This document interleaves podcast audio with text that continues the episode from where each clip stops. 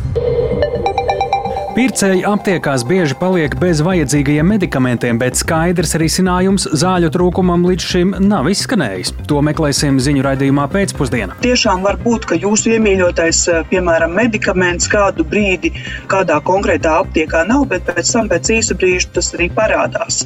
Drīzāk iesakām eh, sekot līdzi norādījumiem, kādi no valsts puses nāk. Bet veselības aprūpē arī priecīgas ziņas. Bijām klāt atjaunotā bērnu slimnīcas dienas stacionāra atklāšanā. Tāpat redzējumā skaidrosim, cik bažīgiem mums būtu jābūt par nesen piedzīvotajām dabas anomālijām, īpaši lielo augstumu Ziemeļamerikā un te vai karstumu ziemas vidū tepat Eiropā. Tas viss jau pavisam drīz redzējumā pēcpusdienā kopā ar mani Tāli Eipuru. Pūkstens rāda 16,5 minūtes. Sāk skanēt pēcpusdienas ziņu programma studijā Tāls Eipors. Sākam ar notikumiem Ukrainā. Krievijas spēki Ukrainā šodien ir veikuši kārtējos triecienus pa objektiem. Ukrainā un viena no raķetēm ir trāpījusi Zaporižjā, ievainojot vismaz vienu cilvēku. Ukraiņu izlūkdienesti uzskata, ka Krievija pašlaik gatavo vairākus masveida raķešu triecienus, kas varētu notikt pat jau šajā nedēļā. Tāpat ir aktivizējušās ziņas par iespējamu jaunu mobilizāciju Krievijā. Šajā brīdī esam sazinājušies ar ziņdienesta ārzemju korespondentu Uģi Lībieti. Labdien, Uģi! Sveicināts tālāk, vai klausītāji. Kādas ir ziņas par iespējamiem jaunajiem triecieniem pa Ukrainu un arī Krievijas iespējām vispār tos veikt? Jā, kā uzskata Ukrainas aizsardzības ministrijas galvenā izlūkošanas pārvalde, tad Krievija visticamāk gatavo jau nākamo masveidu triecienu, un pārvaldes pārstāvis Vadims Skibīskis izteicies, ka par precīzu šādu uzbrukumu datumu gan ziņu nav, taču līdšanai Krievijas kaujas pilotu treniņu lidojumi liekot prognozēt, ka šādi uzbrukumi ļoti iespējams varētu notikt jau šajā nedēļā. Un visticamāk, ka šie uzbrukumi varētu būt pieskaņoti arī pareizticīgo Ziemassvētkiem. Um, šeit jāatgādina, ka Ukraina ir aicinājusi Ziemassvētkus valstīs svinēt decembra beigās. Pēc Vadims Kvitska vārdiem, Krievijai pašlaik ir problēmas ar augstas precizitātes raķešu krājumu papildināšanu, turklāt tiek gaidīts arī nākamais Irānas bezpilotu lidaprāta sūtījums. Bet visticamāk, ka turpmākajos uzbrukumos Krievija centīšoties kombinēt dažādus bruņojumu un arī uzbrukumu veidus. Kā ir paziņojuši Ukrainas gaisa spēku pārstāvi, tad um, izmantos viņi jebkurus pieejamos līdzekļus, lai notriektu Krievijas raidītās raķetes un dronus, pat ja izmantotā munīcija Krievija brīžiem ir daudz dārgāka par jau minēto bruņojumu, kas pret viņiem ir vērsts.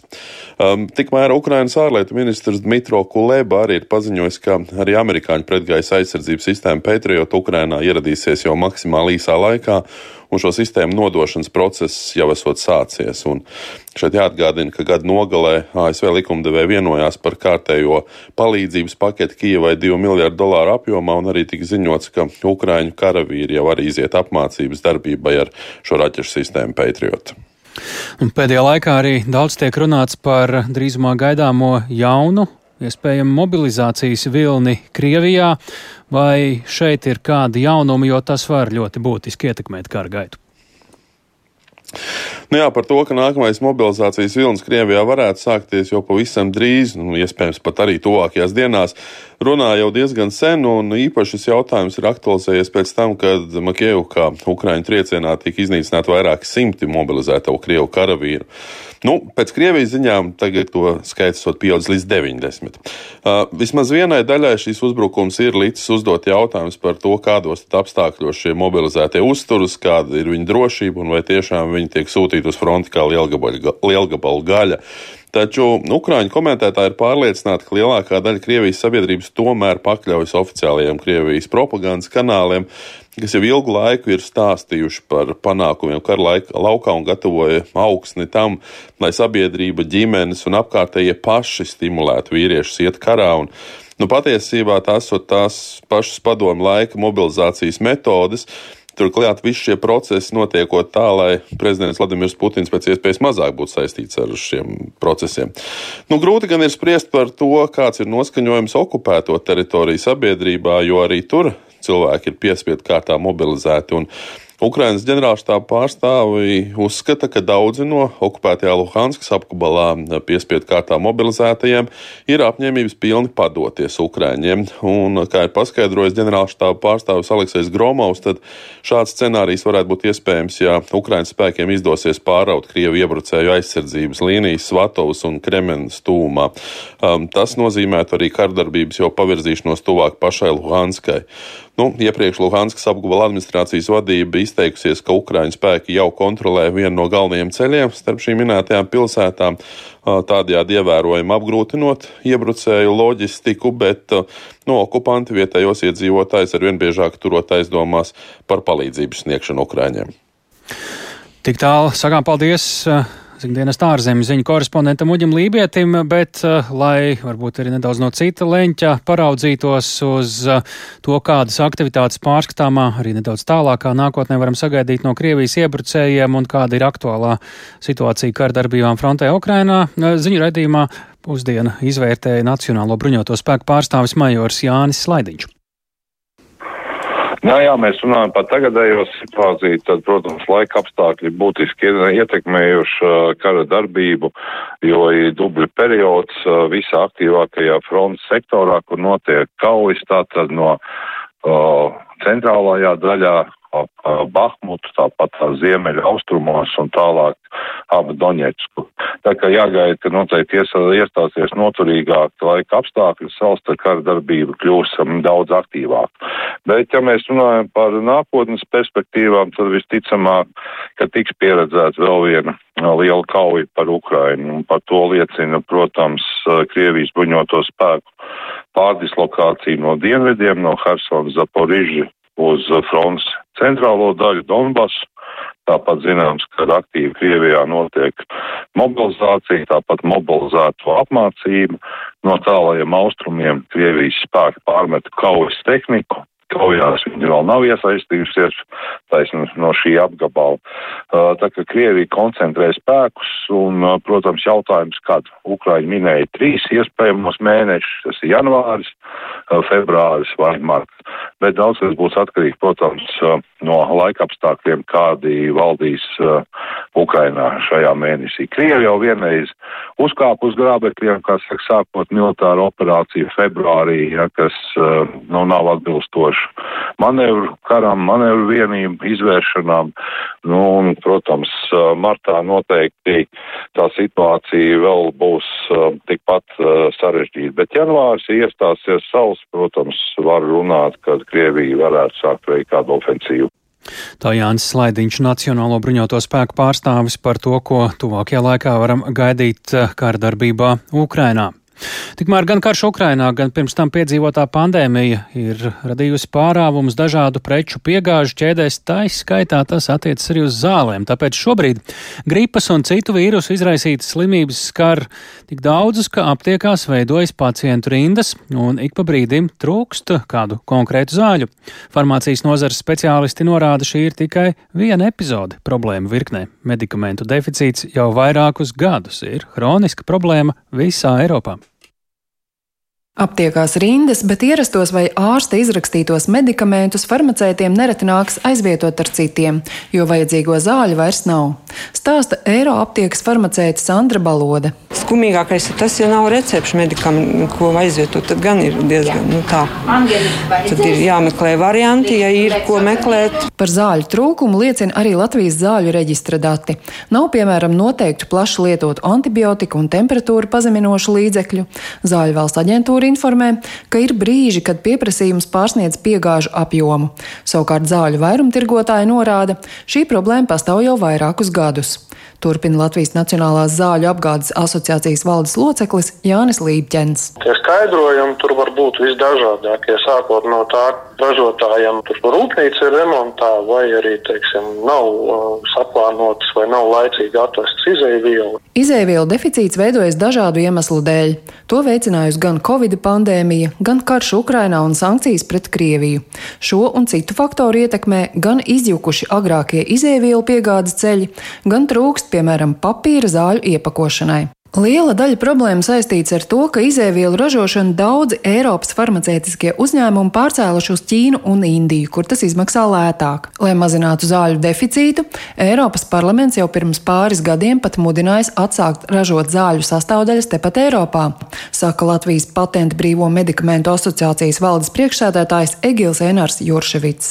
Tuvākā laikā es to problēmas risinājumu, ka mēs varētu kaut kādu lielu daļu pārņemt no Ķīnas un Indijas un tos uh, izēvielas ražot, tad ir ļoti daudz faktoru. Pirmkārt, jau vidas faktors. Un cik tas neizmaksās mums, cik tās izēvielas būs konkurētspējīgas. Nozares pārstāvji min, ka konkrētu zāļu trūkums pašlaik asāk izjūtams, jo slimo daudz bērnu, un uz bērnu problēmām sabiedrība reaģē jutīgāk.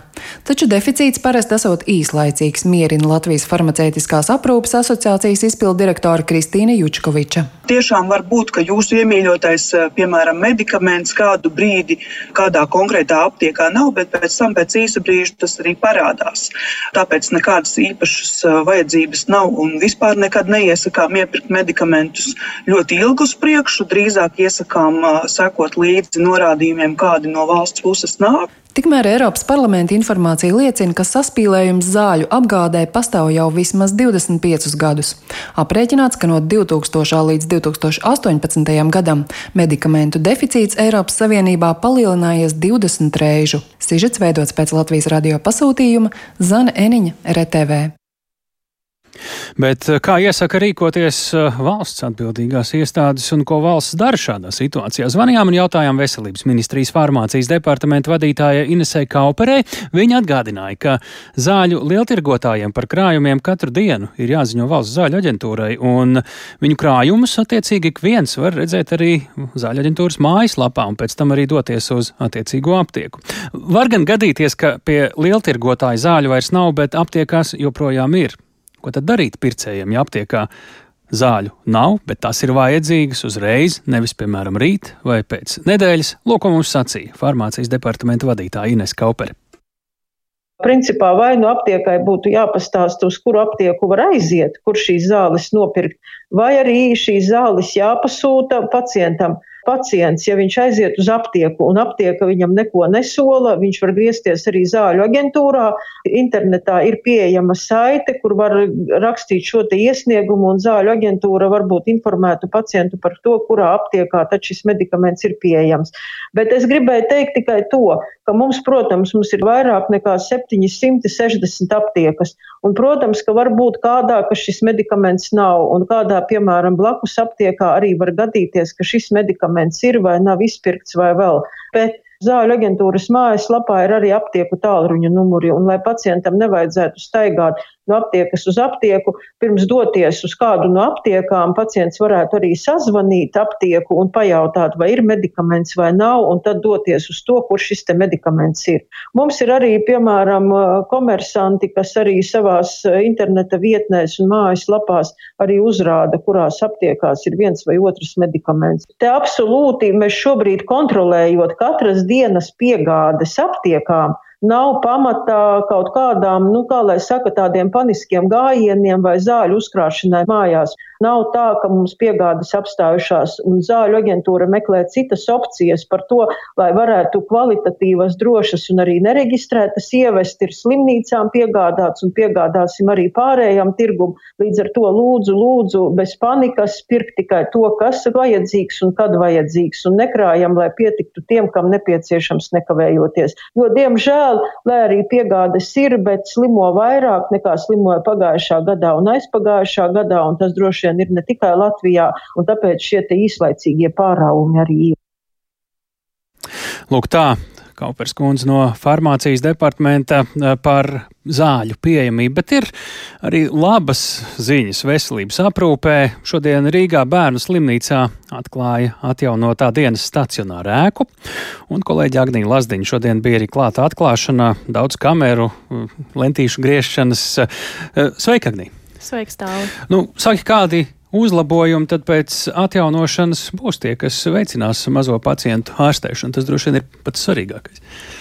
Jā, atgādināšu, ka dienas stacionāra ēka ir viena no pirmajām, ar kurām sākās slimnīcas būvniecība 1895. gadā, un sākotnēji ēkā atradās iekšķīgo un ķirurģisko slimību nodaļa ar lielākām un mazākām daudzvietīgām palātām, un gadu gaitā korpus tika vairāk kārt rekonstruēts. Līdz šim dienas stacionārā atradās 24 palātas, kur daudzās no tām vienlaikus ārstējās vairāki pacienti, taču atjaunotajā stacionārā ir ir par desmit vairāk. Turklāt tās ir vienvietīgas un epidemioloģiski drošas palātas ar atbilstošu gaisa apmaiņu un mikroklimatu, kā arī vairākas mūsdienu prasībām atbilstošas un un, un arī ir procedūra un apskates telpas. Tāpat ir pieejama plaša rotaļu telpa un labi iekārtota publiskā telpa, kurā vecāki varēs pavadīt laiku ar bērnu. Un kā arī pēdējais, bet nemazāk būtisks uzlabojums, par ko tika ļoti domāts, ir ēkas interjers. Telpas ir gaišas un ar krāsainiem zīmējumiem uz sienām. Katra palāta ir pielāgota bērnu vajadzībām, piemēram, slimnīcas gultas ir aprīkotas ar ritiņiem, lai tās būtu viegli pārvietot, un kopumā interjers ir veidots tā, lai pacienti justos droši, radītu uzticību un lai viņiem tiktu mazināta trauksme, un, protams, lai arī veicinātu atvesaļošanās procesu procesu. Jāpiebilst, ka vecāki un bērni ir ļoti priecīgi par atjaunoto ēku, un bērnu slimnīcas vecāku padomis pārstāve man atzina, ka šī ir vieta, kas visu laiku mainās uz labu. Protams, ir arī kādas problēmas, bet vecāki jūtas uzklausīti, tāpēc no pacientu puses atjaunotais dienas stacionārs ir ļoti novērtēts. Jā. Nu, šis uh, nav vienīgais, man liekas, pēdējo gadu aktuālais rekonstrukcijas projekts. Bērnu slimnīcā nesen skatījos, atklāju šo rotaļu laukumu. Uh, ir vēl kādi jauni gaidāmi vai tikko notikuši svarīgi objekti un to rekonstrukciju vai no jauna uzbūvēšana tieši bērnu slimnīcā? Jā, atjaunotās dienas stacionāra ēkas atklāšana patiesībā ir tikai neliela daļa no bērnu slimnīcas attīstības plāna. Kā man norādīja slimnīcā, tad viņiem šobrīd ir sauklis bērnu slimnīca auga 2024, bet viņiem jau tagad ir skaidrs, ka arī tajā gadā nekas nebeigsies, proti 2024. un slimnīca turpinās attīstīties. Šobrīd tiek būvēts bērnu un jauniešu psihiatri psihiatrijas centrs, kura nodošana gan aizkavēsies līdz šī gada beigām, ņemot vērā straujo cenu kāpumu. Tāpat top jauna neatliekamā palīdzība un ambulatorais veselības centrs, jauna administrācijas ēka, bērna māja un arī speciāls stāvlaukums, kā arī tālākajos piecos gados, pateicoties Džona Tallija ziedojumam, slimnīcā tiek plānota jaunas zinātnes mājas izveide. Līdz ar to var pavisam noteikti apgalvot, ka bērnu slimnīcā ir nopietni attīstības plāni un vēlme augt, taču kā man apgalvoja slimnīcas personāls, galvenais mērķis ir panākt bērniem un visai ģimenei draudzīgāku un drošu vidi. Paldies Agnijai Lazdiņai, zinātnes māja, tas ir varani. Bet no slimnīcu attīstības pie uh, veselu pašvaldību attīstības šeit pat Latvijā, jo ir notikusi pirmā tikšanās starp vīdes aizsardzības un reģionālās attīstības ministru Māris Prindžuku no apvienotā saraksta un pašvaldību pārstāvjiem. Ministrs sola dažādus jauninājumus turpmākajā lēmumu pieņemšanā. Tā, piemēram, Sprinčuks ir apņēmies eh, gan mazināt birokrātiju, gan rīkot arī starpnozaru platformu par dažādu pakalpojumu nodrošināšanu un vēlas pārskatīt arī pašvaldību finansēšanu. Par sarunas secinājumiem mums vairāk ir gatavs pastāstīt kolēģis Jānis Kīns. Sveiks, Jāni! Sveiks, tēls, sveicināti klausītāji. Nu, mēs zinām, ka Mārcis Prindžuks pats ilgu laiku ir vadījis eh, vienu pašvaldību Ādažu pusē un arī pats ir izteicis dažādus viedokļus par eh, tagad šobrīd paša vadītās ministrijas darbību. Vai viņam tagad kļūstot par ministru ir redzams, ka mainīsies kādas pieejas eh, ministrijas un pašvaldības sadarbībā? Jā, Mārcis Sprindžuks no Latvijas reģiona apvienības, kurš ilgus gadus bija Sādažu novada domas eh, priekšsēdētājs gan pirms, gan pēc reformas. Šobrīd, kļūdams par ministru, sola vairāk uzticēties vietvarām, to lēmumiem, tajā skaitā mazināt birokrātiju, apmaiņu ar dažādām prasībām un dokumentu kalniem. Un atbilstoši ministra plānam, pašvaldības turpmāk kopā ar dažādu ministriju vadību varētu plašāk izvērtēt dažādu būtiskāko pakalpojumu pieejamību un finansēšanu pašvaldībās. Tas nozīmētu kopīgi apspriest izmaiņas izglītības iestāžu tīklā, veselības un sociālo pakalpojumu pieejamībā. Tas skartu arī jautājums, piemēram, par reģiono, reģionālo ceļu nodošanu pašvaldībām un sabiedrisko transportu. Un šādā jaunā apspriežu kārtībā viņš cer iesaistīt arī izglītības, satiksmes, labklājības, veselības un citu jomu ministrus. Un pēc uh, Sprinčuka teiktā, tikai kopīgiem spēkiem varētu izdoties rast sapratni par to, ka Kāpēc, kāpēc iespējas ātrāk pašvaldībām par labu būtu jāpal, jāpalielina arī iedzīvotāju ienākumu nodokļu proporcija valsts un vietvaru budžetos? Un, Šogad gan tas noteikti nenotikšot, jo šā gada budžeta izstrādes un pieņemšanas procesā šīm sarunām nebūšot laika. Vienlaikus pašvaldības būtu veiksmīgāk iesaistāmas arī valsts ekonomiskās kopējās bildes uzlabošanā, Teikt, tas arī, protams, ir uzdevums ekonomikas ministrijas lauciņā, lai atvieglotu dažādu ražotņu un pakalpojumu sniegšanas vietu rašanos, attiecīgi veidojot arī vairāk jaunu darba vietu. Jā, vai ir sagaidām arī kāda uh, iepriekšējā uh, pašvaldību vai vidas aizsardzības un reģionālās attīstības ministra Artur Tomu Pleša laikā pieņemto lēmumu varbūt pat pārskatīšana? Jā, šīs dienas sarunā vairāk kārt ir pieminēts eh, bijušā ministra Pleša laikā notikušais eh, gājiens apturēt Rīgas pilsētas attīstības plānu. Atgādināšu, ka šo lēmumu sasaistīja ar plāniem galvaspilsētā un vēl vairākās pašvaldībās būtiski ierobežot azartspēļu zāles. Uz to, kā šīs jomas lobby ietekmi šīs dienas eh, tikšanās laikā atkārtot norādīja Rīgas valsts pilsētas domas deputāts Edgars Ikstens no jaunās vienotības.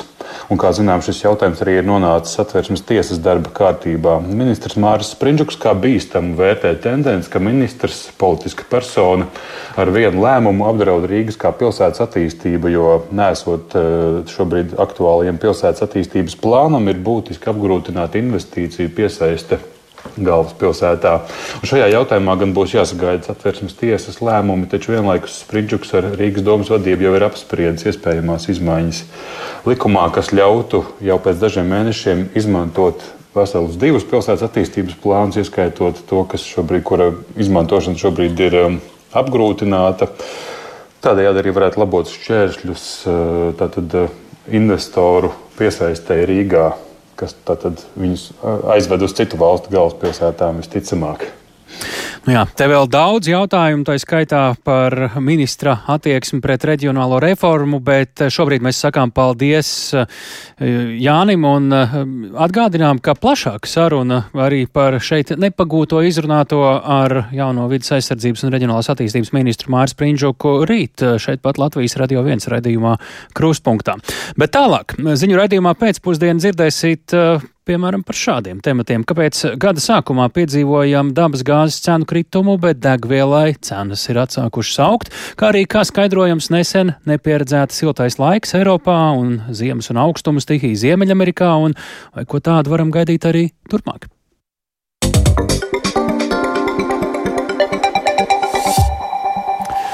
Lai arī satiksmes negadījumos notriekto un savainoto cilvēku skaits uz Latvijas ceļiem pērni ir mazinājies, notriektu dzīvnieku daudzums pēdējo gadu laikā gan nav sarucis. To apliecina arī policijā. Savukārt apdrošinātāja izmaksāto kompensāciju apjoms pēc sadursmēm ar dzīvniekiem pēc eh, pagaidām provizoriskiem skaitļiem ir pieaudzis teju par trešdaļu. Kā aizvadīto gadu komentē atbildīgie un kā autovadītājiem rīkoties jau uz ceļa pamana dzīvnieku? Klausāmies Viktora Demidova ierakstā. Tad, kad viņi izlaiž priekšā uz ceļa, tieši, tieši priekšā pēdējā brīdī, nu, tu nevari neko izdarīt. Diemžēl tas bija tā nu, ātri un, un stirnai letāli. Un, Mums pašiem, protams, arī diezgan liels um, šoks pirmajā brīdī. Rasma Rozenberga kopā ar vīru pie stūres un diviem bērniem ar stirnu saskrējās pagājušajā nedēļā, kad pēc Ziemassvētkiem bija ceļā no Rīgas uz Igaunijas pilsētu Tartu. Negadījumā, kas noticis vakarā netālu no Valmieras, no viņas ģimenes neviens necieta, bet sajūta bijusi nepatīkama. Piezvanījām uz glābšanas dienestu, kur mūs tālāk savienoja ar policiju. Mums mašīna pa laimi nebija cietusi tik traki, ka nevarētu braukt. Mēs braucām tālāk, bet mums priekšpuse bija diezgan sadauzīta un, un viens lukturs bija mazliet iešķiepts, bet nu, mēs tikām laimīgi mājās. Aizvadītajā gadā valsts policija reģistrējusi tejus 600 negadījumus, kuros spēkrati notrieca dzīvnieku. Vidēji tikpat daudz negadījumu fiksēti pēdējos četros gados. Nemainīgs ir arī reģions, vairāk nekā puse no tiem ir Latgalē. Savukārt valsts meža dienests pērna reģistrējis vismaz trīs reizes vairāk, jeb 2000 notriektu zvēru, un tas ir vismaz pieci negadījumi ikdienu. Starpība iespējams ir saistīta ar to, ka autovadītāji par negadījumiem policijai mēdz mēdz neziņot. Otrs variants - policijas skaitļos ir tikai tās reizes, kad likumsargi uz izsaukumu ir devušies. Tāpēc, piemēram, pieminētais Rasmus Rozenbergas negadījums policijas statistikā nav iekļauts, bet valsts meža dienesta skaitļos ir. Tie gadījumi visticamāk ir vairāk, pat cik es negribu spekulēt. Jā bet arī mēs neuzzinām par daudziem gadījumiem. Dienesta pārstāvis Walters Lūsis atzīmē, ka pērni iedzīvotāji par notriektiem dzīvniekiem ziņoja krietni mazāk nekā iepriekšējos gados, kad reģistrēja vismaz par 600 negadījumiem vairāk. Ja mēs skatāmies, kas ir notriekts, nu, tā kā proporcionāli, tad tur nav tādu izmaiņu. Ja tur stirnas ir pirmā vietā, stabili 71% gan pagājušā gada, gan aizpagājušo gadu. Te jau rādās tie jautājums, vai mazāk dzīvnieku lieku vai mazāk brauc, vai, vai kas ir par apstākļiem. Lai gan policijas reģistrēto negadījumu skaits vairāku gadu laikā nemainās, tajā pat laikā ievainoto cilvēku skaits samazinās. Tā piemēram 2019. gadā sadursmēs ar dzīvnieku cieta 50 un 4 gāja bojā. Savukārt pērn ievainoti 29 cilvēki un viens gāja bojā. Turpina valsts policijas pārstāvis Arturs Smilga. Iespējams, šeit ir vairāk faktoru, kas ietekmē. Gan arī tas, tas, ka cilvēki ir uzmanīgāki palikuši, iespējams arī degvielas cenas spēlējuši savu lomu. Pagājušā gada ievērojamais cenu kāpums palielinājis apdrošinātāju izmaksātās kompensācijas. Salīdzinājumā ar 2021. gadu pērn izmaksātā summa pieaugusi par 30%, kopumā sastādot iespējams pat 8,9 miljonus eiro. Tā pieļauj Latvijas transporta līdzekļu apdrošinātāju birojā, balstoties uz daļu no datiem. Turpina organizācijas pārstāve Sandija Šaicāne. To, ka avārijas pērn bijušas ar smagākām sekām, parāda arī vidējā izmaksātā atlīdzība par vienu gadījumu. Ja 2021. gadā tā bija 1860 eiro, tad 2022. gadā jau gandrīz 2000 eiro. Un kopumā transporta līdzekļu sadursmēm ar dzīvniekiem ir tendence pieaugt. Lai gan likumsārgu un valsts meža dienas apkopotajos skaitļos ir manāmas pozitīvas notis, drošas braukšanas skolas vadītājs Jānis Mangs atzīst, ka negadījumu skaits ir milzīgs. Tā baigi neesmu, godīgi sakot, pamanījis ļoti izteiktas infrastruktūras, kas varētu aizsargāt mūsu šoseis no dzīvniekiem. Jā. Ir kaut kāda atsevišķa posma, kuras esmu redzējis, ka ir kaut kādi nožogojumi izveidot un tā tālāk, bet eh, lielākoties es domāju, ka tur mēs vēl ļoti, ļoti, ļoti tālu esam no, no vēlamā rezultāta. Latvijai pieredze būtu jāsmaļas no citām valstīm, kur gar ceļiem esot uzstādīti žogi, elektroniskie atbaidītāji, pārvadi un citi infrastruktūras elementi. Turklāt vislabāk tos lietot kopā Teiksim, ja mēs esam laicīgi to dzīvnieku pamanījuši, un mēs redzam, ka mēs varam sabremzēt, nu tad vienkārši ir jābremzē. Ja, ja mēs redzam, ka sadursme ir neizbēgama, ja dzīvniekam rūpes nav augstāks par mašīnas motoru pārsegu, tad, diemžēl, drošākais variants priekš cilvēka ir braukt šim dzīvniekam virsū. Savukārt, ja tas dzīvnieks ir augstāks, nu, tad skaidrs, ka sadursmes gadījumā šis dzīvnieku rūms nāks ar priekšējā logu iekšā. Kaut gan automašīnas laika gaitā esot kļuvušas drošākas, kamēr nebūs droša infrastruktūra un atbilstoša vadītāju sagatavotība, Banks uzskata, ka negadījuma statistika nemainīsies.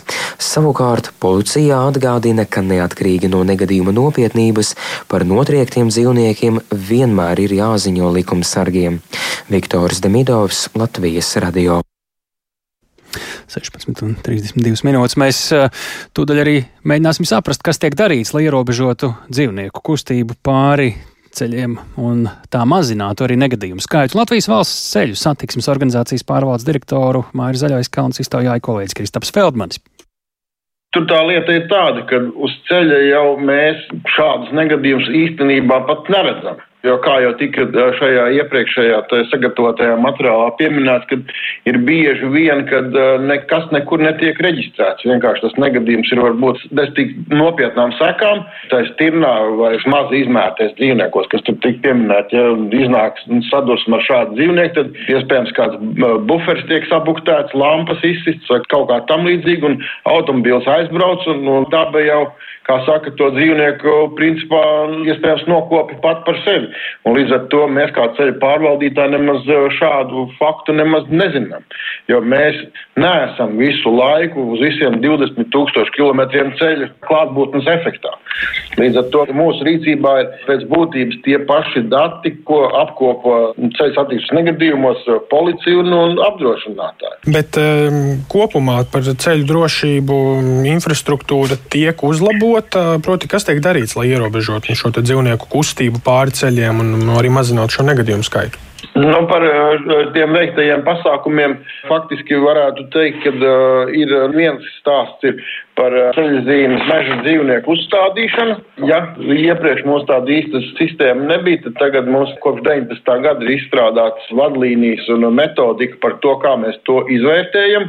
Par pamatu ņemot ceļu satiksmes negadījumu datu bāzi, mums ir sadarbība arī ar valsts meža dienestu un izmantojot viņu apkopoto informāciju pēc noteikta algoritma, mēs uzstādām šīs brīdinājuma zīmes meža dzīvnieku. Tas ir viens. Otrs ir, kad um, pēdējos gados ir uh, pēc būtības diezgan uh, daudz strādāts pie tā, lai likvidētu apaugumu ceļa zemes nodalījumu joslā. Respektīvi, ceļa malas ir pārskatāmākas. Un, uh, kā jau Vanka kungs pieminēja, tad ir iespēja jau laicīgāk pamanīt šo dzīvnieku, ka viņš tuvojās ceļam. Jo tādas situācijas, kad krūmi auga pilnīgi uz pašām ceļa malām, tādas jau vairāk nav. Runājot par uh, žogiem, tā ka uh, reāli Latvijā ir, uh, varētu teikt, trijās vietās. Šie žogi izveidot Saukrasta apceļā, tad ir uh, uz tā saucamā Maskavas ceļa, kas ir P80 starp um, Tīnožiem un Koknesi. Un uz Vijā Baltijas, autoceļa A7 Rīga Bausku posmā no Rīgas apceļa līdz Ikšķelē meža posmos. Tālūk, runājot par dzīvniekiem uz ceļiem, bet atgriežoties pie Citi stāsta, un uh, turpinot raidījumu, jaunā gada pirmajās dienās dabasgāzes cenas Eiropā ir samazinājušās, jo neraksturīgi siltā laika dēļ ir samazinājusies pieprasījums pēc gāzes. Tomēr lielam optimismam nav pamata, jo ilgtermiņā Eiropai būs jārēķinās ar augstām energoresursu cenām. Lai arī gāzes cenas Eiropā uz brīdi ir nokritušas līdz pirms kara līmenim, vēl pirms Krievijas iebrukuma Ukrainā, kāds tas bija, tad degvielas cenas pēc samazināšanās decembrī atkal ir atsākušas augt. Lūk, kā sarunā ar kolēģi Dairu Zīli situāciju skaidroja Latvijas degvielas tirgotāja asociācijas prezidents Ojārs Karčevskis. Jāsaka tā, ka zemākā cena biržā bija pagājušā gada decembrā, 9., 10., 11. datumā, un trīs nedēļas biržās jau notiek kāpums. Tā kā gaidīt pazinājumu šobrīd nevaram. Jāsaka gan, ka kopš lielākā pīķa cenās, um, kas bija oktobra vidū, kad cena dīzeļdegvielai sasniedza 2 eiro, cena ir kritusies vairāk kā pa 30 centiem. Un tā būtu laba ziņa.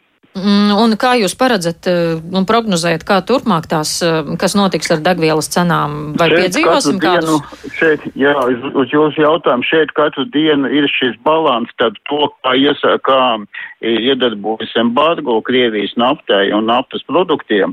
Kā jūs zinat, pēdējais datums ir 5 um, februārī līdz 17. janvārim vēl var saņemt uzkrautos naftas kuģus Eiropa. Tā kā te katru dienu ienes to, to korekciju, kas ir no embargo. Tas, kas cenu, protams, mazina, ir tas, ka tas, kad ir silts laiks, tas, ka, tas, kad ir recesija, tas, kad ir lockdown Ķīnā un atkal, piemēram, kaut vai tāds faktors, kad uh, Ziemeļamerikā ir sniegs un negaidīts augstums un, un, un, un darbība pārtrauc vairākas rūpnīcas naftas pārstrādē. Protams, atkal ietekmē cenu arī Eiropā, jo mēs no Amerikas saņemam dīzeļdegvielu Un tas viss, uh, visi šie faktori katru dienu mainās, tā kā grūti prognozēt, kā es mēdzu teikt, vairāk par vienu dienu. Tā degvielas tirgotāja asociācijas prezidents Ojārs Karčēvskis, bet to, ka laikapstākļiem ir arvien tiešāka ietekme uz ekonomiskajiem procesiem esam pārliecinājušies un turpinām pārliecināties kaut vai iepriekšējā tematā. Nu, un pēdējo nedēļu un dienu laikā Eiropā un arī Ziemeļamerikā ir piedzīvoti visai ekstrēmi un gada laikam neraksturīgi laikapstākļi. Mēģināsim saprast, kas notiek un par ko tas liecina nākotnē. Esam sazinājušies ar laikapstākļu un klimata ekspertu Tomu Brīci. Sveiks, Tom! Sveiks, tāli! Sveicināti klausītāji! Vai varam teikt, ka šobrīd īsumā tas ziemas karstums, jeb siltuma rekordi citiem vārdiem Eiropā ir uz brīdi beigušies, vai arī ir vietas, kur tas viss joprojām šis nepieredzētais siltums turpinās? Nu, nepieredzēts siltums vairs neturpinās, bet augstums, kas tuvojas Latvijai, skars Skandināviju, Eiropas ziemeļu un Eiropas austrumu daļu rietumos, kur nu, enerģijas patēriņš ir milzīgs arī ziemā. Vācija, Francija, Lielbritānija, Itālija, Spānija. Tur gaisa temperatūra joprojām turpmākajās nedēļās arī šobrīd saglabāsies virs normas, tur būs silts laiks un uh, nekāda tāda augstuma viļņi Eiropai nedraud. Turklāt tas augstums, kas būs tagad Eiropas ziemeļos un austrumos, arī ļoti īslaicīgs. Un jau uh, nākamnedēļ pakāpeniski atgriezīsies atpūsnis, un, un nu, turpmākās nedēļas arī tiek prognozētas ar pārsvarā tādu ziemai neraksturīgu siltumu.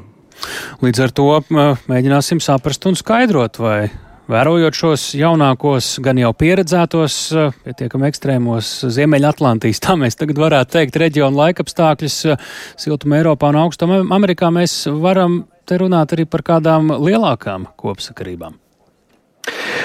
Par augstumu Amerikā, par ko ap Ziemassvētkiem daudz dzirdējām ziņās, tur ir jāsaka, ka Pājot mazliet nostāk no tiem kadriem, ko mēs redzējām, iepudinātas automašīnas, bez elektrības pilsētas pārrauma elektrolīnijās.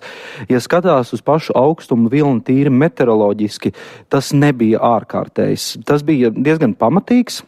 Bet eh, rekordi, kas pārspēti, nu, tur ir atsevišķos štatos, atsevišķas vietas, kur temperatūra sasniedza pēdējo 10, 20, dažiem 30 gadu laikā zemāko atzīmi. Bet tās bija tiešām ļoti atsevišķas vietas. Kopumā tas augstuma vilnis tāds salīdzinoši tradicionāls ziemas augstuma vilnis, bet kur tā atšķirība, ka tādu kļūst arvien mazāk, tādu kļūst arvien vien retāki, un mēs kā saka, vairs nesam, nesam tiem tik ļoti gatavi. Mēs ļoti labi zinām, kas notiek Rietumē Eiropā, kad uzsnieg 5 cm sniega. Tur ir hauss. Pie mums tas tā nav. Jo pie mums 5 eh, cm sniega ritina bieži, un tas pats attiecās šobrīd tādā jau plašākā mērogā raugoties. Augstuma viļņi, bargas, ziemas, eh, biezs sniegs kļūst arvien retāks, un pieredze, eh, kā šādos apstākļos rīkoties, un arī tehnoloģijas mainās, un tās nav vairs tik, nu tā teikt, drošas šādam augstumam un augstuma viļņiem, bieziem sniegiem. Tā ir tā galvenā atšķirība, jo, nu, tiešām to augstumu vilni un, un sniegu, kas bija Amerikas Savienotās Savienotajās valstīs nekas, nekas ārkārtējs. Bet par siltumu runājot, Tas, ko Eiropa pieredzēja gadumijā, un arī Amerikas Savienotajās valstīs, starp citu, daudzos eh, reģionos ir sākušies pali, jo pēc lielā augstuma arī tur ap jauno gadu uznāca ļoti liels siltums. Nu, tur gan šobrīd eh, zinātniski skaidri pamatot eh, argumentēt, ka tās ir klimata pārmaiņas, nevar ar vienu šādu notikumu, bet nu, tie ekstrēmi, kas, tie rekordi, kas tika pārsniegti, tas ir prātam neaptverami, jo Varšavā 1. janvārī temperatūra var sasniegt nepilnas 19 grādus grādus. Jo pie mums tā novirze, no, tas rekorda pārsniegums nebija tik ievērojams par 0,4 grādiem Latvijā. Iepriekšējais rekords tika pārspēts, bet nu, Varšavā tie ir 5 grādi virs iepriekšējā rekorda. Nu, grūti iedomāties, kas gan cits, ja ne klimata pārmaiņas, Jā. tas, tas, protams, ir. Un daudzās Eiropas valstīs tas siltums, nu, tas jau bija pat vasarīgs siltums, un tas notiek brīdī, kad jābūt bargākajai ziemai. Lielas paldies! Laika apstākļu un klimata ekspertam Tomam Bricim, bet uh, Par ledainu tematu turpinām. Latvijas jaunie hokeisti pasaules čempionātā līdz 20 gadu vecumam cīnās par palikšanu elites divīzijā, un šim nolūkam viņiem vismaz divos mačos ir jāuzvar vienaudži no Austrijas. Pirmajā spēlē Latvijas hokeisti uzvarēja 5 pret 2, tomēr uzvarot šodien jau var nodrošināt vietu nākamajā spēcīgāko valstu čempionātā pēc gada. Mums studijā pievienojas hokeja eksperts, uh, mūsu hokeja eksperts Mārtiņš Kļavinieks. Sveiks! Sveiks, tālu sveicināti klausītāji! Nu, pirmajā spēlē austrieši pakutināja Latvijas līdzstēju nervus, divas reizes pat izvirzījās vadībā, vai tas arī atainoja to spēles uh, spēku samēru laukumā? Jā, jo šīs abas komandas, nu, sauksim lietas īstajos vārdos, ir vājākās vienības šajā turnīrā. Tā, tā turnīrs to parādīja, bet no austriešiem ir savas tomēr nianses, kurās viņi ir vājāk par latviešiem. Papētīja arī statistikas rādītājus. Nu, izcili slikts mazākums un vairākums. Tās tās speciālās brigādes, kuras spēlē uz ledus, nu, tās austriešiem nestrādā, arī vārdsargi viņiem nav tie labākie, tāpēc arī latvieši pacietīgi turoties pie savas spēles plāna, pirmajā spēles, pirmās spēles otrajā pusē tomēr salauz pretestību. Arī metiena attiecība bija pārliecinoša par labu Latvijai, bet uh, Vai komandās ir gaidāmas arī kādas izmaiņas sastāvā, eh, kuras varbūt nebija iepriekšējā spēlē, kādas eh, pārmaiņas, kas varētu liecināt par šīs dienas mača raksturu? Austriešiem nespēlēja viens tāds ražants aizsargs, Dārvids Reinbakers, bet uh, varu teikt, ka šajā mačā visticamāk viņš dosies laukumā, bet tas neko daudz neietekmēs. Viņš nav tik nozīmīga figūra pretiniekiem. Latviešiem apmēram tāds pats sastāvs, bet kas varētu ietekmēt un kas noteikti arī ietekmēs, tas, ka šī spēle sākas piecos pēc Latvijas laika, tā tad jau pavisam drīz, bet tas ir 11. no rīta pēc Kanādas laika, kas ir ļoti, ļoti agri hokeja spēlē. Paldies, Mārtiņ! Šis bija raidījums pēcpusdienā. To veidoja tāls ēpurs Kārlis Dagilis. Ja vēlties šo radījumu klausīties arī vēlāk, tad ņemiet Latvijas radio lietotni.